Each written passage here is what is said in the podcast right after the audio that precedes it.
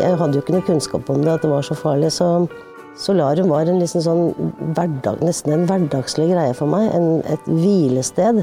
Etter jeg fikk barn, så brukte jeg kanskje lunsjpausen min til å legge meg i solarium i en 20 minutter for å slappe av litt. Og andre ganger var det for å få en fin tan på huden. Så um, det med solarium, det var en fantastisk greie for meg.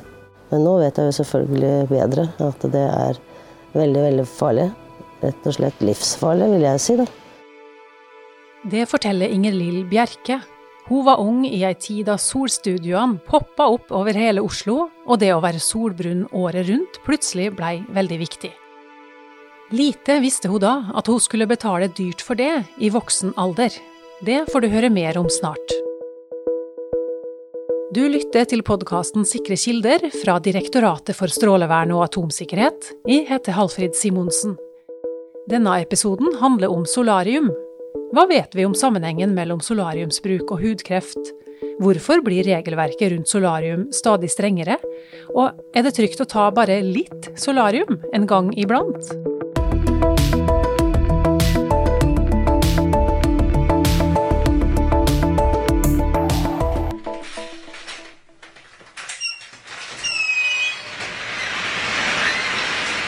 Kjente du igjen lyden du akkurat hørte? Har du tatt solarium noen gang, gjorde du kanskje det. Men vi glemte jo det som kommer først. Myntinnkastet i boksen på utsida. Så det velkjente knirket fra solsenga som åpnes og lukkes. Og lysstoffrørene som begynner å dure. Da solariene først dukka opp, både i private hjem og i kommersielle solstudio, var det mange som ikke visste hvilken risiko de utsatte seg sjøl for ved å ta sol, som det heter. Inger Lill Bjerke fra Oslo var en av dem. Det første solariumstedet jeg gikk på, det var på Kjelsås. Det var et privateid hus hvor da det spredde seg kjempefort. Jeg tror jeg gikk på Sogn videregående skole og mm, kjørte da til dem og, og tok solarium, rett og slett. Det var det første. Og senere så var jeg jo veldig mye på noe som het Bahamas solstudio på, i Oslo. Veldig kjent, egentlig. Det med superrask eh, solarium og ti minutter så var du helt ferdig grilla. De første helkroppssolariene av den typen vi kjenner i dag, kom til Norge tidlig på 70-tallet. Men det aller første solingsapparatet var den såkalte høyfjellssola, som var et slags ansiktssolarium. Noen minutter foran ei slik kvikksølvlampe skulle ha samme effekt som en hel dag i påskesola på fjellet.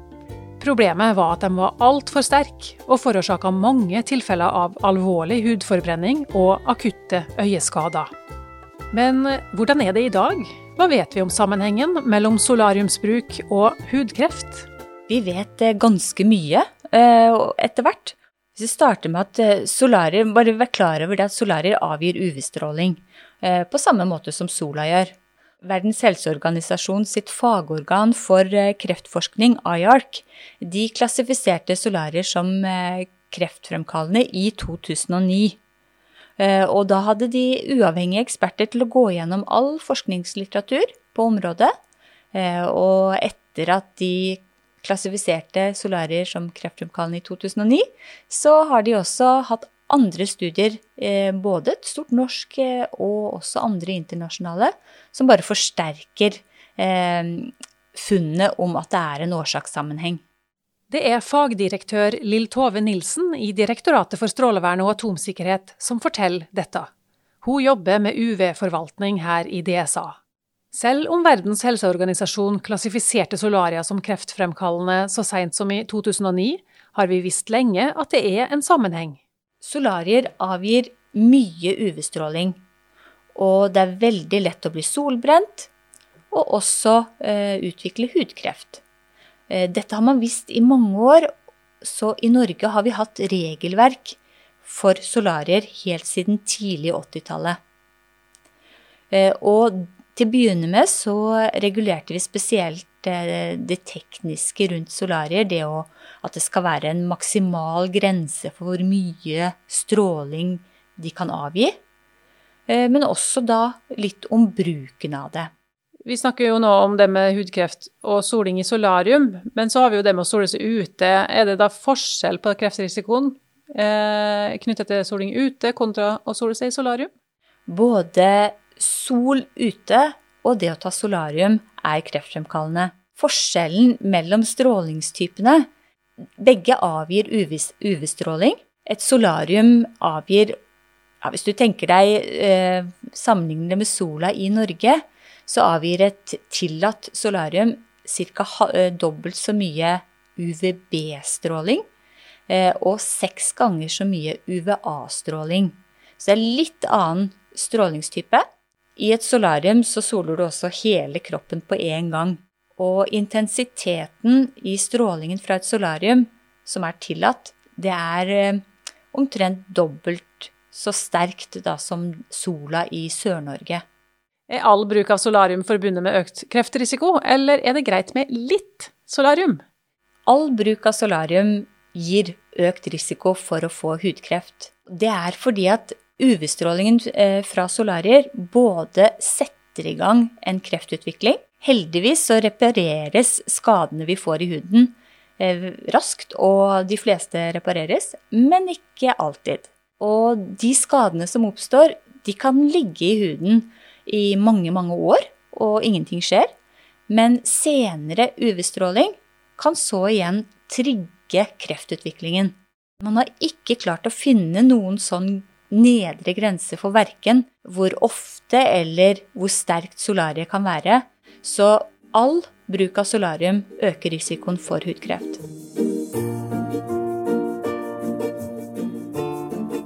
Jeg kan ikke så veldig mye om hvorfor dette skjedde meg, men at det har noe med mitt solariumsbruk å gjøre, og også solen, selvfølgelig. Ehm, jeg er jo 58 år, og i min barndom så var det ikke så veldig mye snakk om å bruke høy solfaktor og beskytte seg mot solens stråler eller solen. Så da brukte vi jo gjerne oljer og smørte på. Syns vi var kjempekjekke når vi fikk litt rød hud. Vi er tilbake hos Inger Lill Bjerke i Oslo. Vi sitter i bakgården i bygget der hun driver sin egen frisørsalong.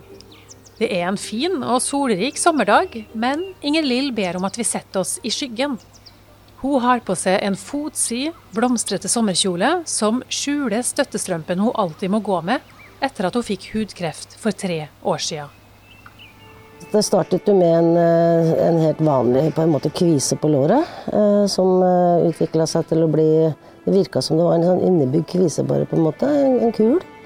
Jeg gikk til fastlegen og fikk den skåret bort. Og det gikk vel en måneds tid, så fortsatte denne kulen her å bare vokse. Og jeg gikk tilbake til fastlegen og fikk skåret den bort igjen. Jeg følte at det ikke ble noe bra. Den bare utvikla seg og ble egentlig sånn blødende eh, verkebyll, på en måte, rett midt på låret. Og eh, så fatta faktisk mine sønner mistanke, og så sier de mamma du får bare gå en tur og få skåret bort mer. Ta en tur på Volvat i dag. Ok, så gjorde jeg det. Fikk time med en gang. Og det gikk ikke mer enn jeg tror det gikk to dager, så fikk jeg beskjed om at her var det malignt melanom. Malignt melanom blir også kalt føflekkreft, og er den mest alvorlige formen for hudkreft. Norge er på andreplass i dødelighet av føflekkreft, kun slått av New Zealand, og på femteplass i forekomst. Hudkreft er blant de kreftformene som har økt mest de siste tiårene i Norge, og den fortsetter å øke. Inger Lill fikk spredning til lymfene og måtte gjennom flere operasjoner og behandling på Radiumhospitalet. Hun er per i dag friskmeldt, men har et bein som er lite funksjonelt, og hun kan ikke lenger jobbe fulltid som frisør. Nå har jeg full respekt for sol. Veldig respekt. Jeg går ikke ut uten solfaktor 50. Og eh, jeg går jo alltid med lange kjoler. Eh, det er jo fordi jeg er avhengig av å bruke støttestrømpe, noe som også er litt sjenerende sånn følelsesmessig. Hun tenker mye på sin egen solariumsbruk opp gjennom årene, og blir forskrekka over dem som fortsetter å ta solarium, ikke minst ungdommene. Jeg kunne nesten ha aksjonert utenfor noen av de solariumstedene, og jeg ser det går inn yngre barn som ikke er eh, gamle nok til å være eller 18 år. Da. Og jeg har jo selv opplevd og hørt at eh, foreldre kjøper da type klippekort til barna sine og eh, bekrefter at de er 18 år. Hvorpå barna da er kanskje 15-16. Så mm, det syns jeg er et sånn skremmende greie. At ikke man kan bruke f.eks. jeg vet ikke, det med bank-ID, at man må legitimere seg. Solariumstedene er jo ikke bemannet lenger, stort sett. Sånn at det er jo bare fri flyt, rett og slett. Så det syns jeg egentlig ikke er noe greit. I 2012 ble det innført 18-årsgrense for å bruke solarium i Norge. Det var med bakgrunn i det Verdens helseorganisasjon fant ved gjennomgangen av all forskningslitteratur på området. Lill Tove Nilsen i DSA forklarer. Og det de så da, var at eh, risikoen var høyere for de som startet å bruke solarium i ung alder. Og et stort norsk studie har etterpå også vist at eh, de som startet å bruke solarium i ung alder, fikk diagnosen føflekkreft tidligere enn de som ikke hadde brukt solarium. Så alt i alt så er det en grunn til å begrense bruken totalt for de unge menneskene. Først i 2017 begynte man å håndheve aldersgrensen ved at alle solstudio må ha et tilfredsstillende system for alderskontroll, enten gjennom betjening videoautomat eller annen type elektronisk adgangskontroll. Så er spørsmålet fungerer alderskontrollen? DSA gjennomførte nylig en landsomfattende tilsynskampanje på Solaria, der over 100 kommuner deltok.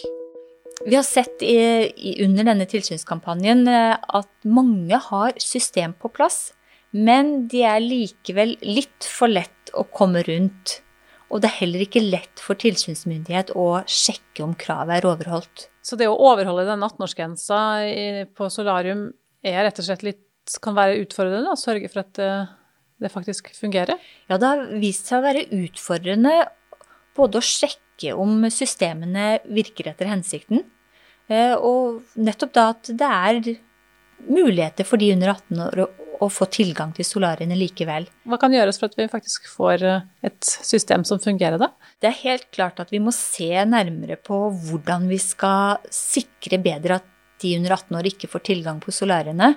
Verdens helseorganisasjon har sagt eh, at man eh, bør bare ha solarievirksomheter med betjening. Da vil du alltid møte en person som sjekker hvor gammel du er, og som også gir råd om solingen.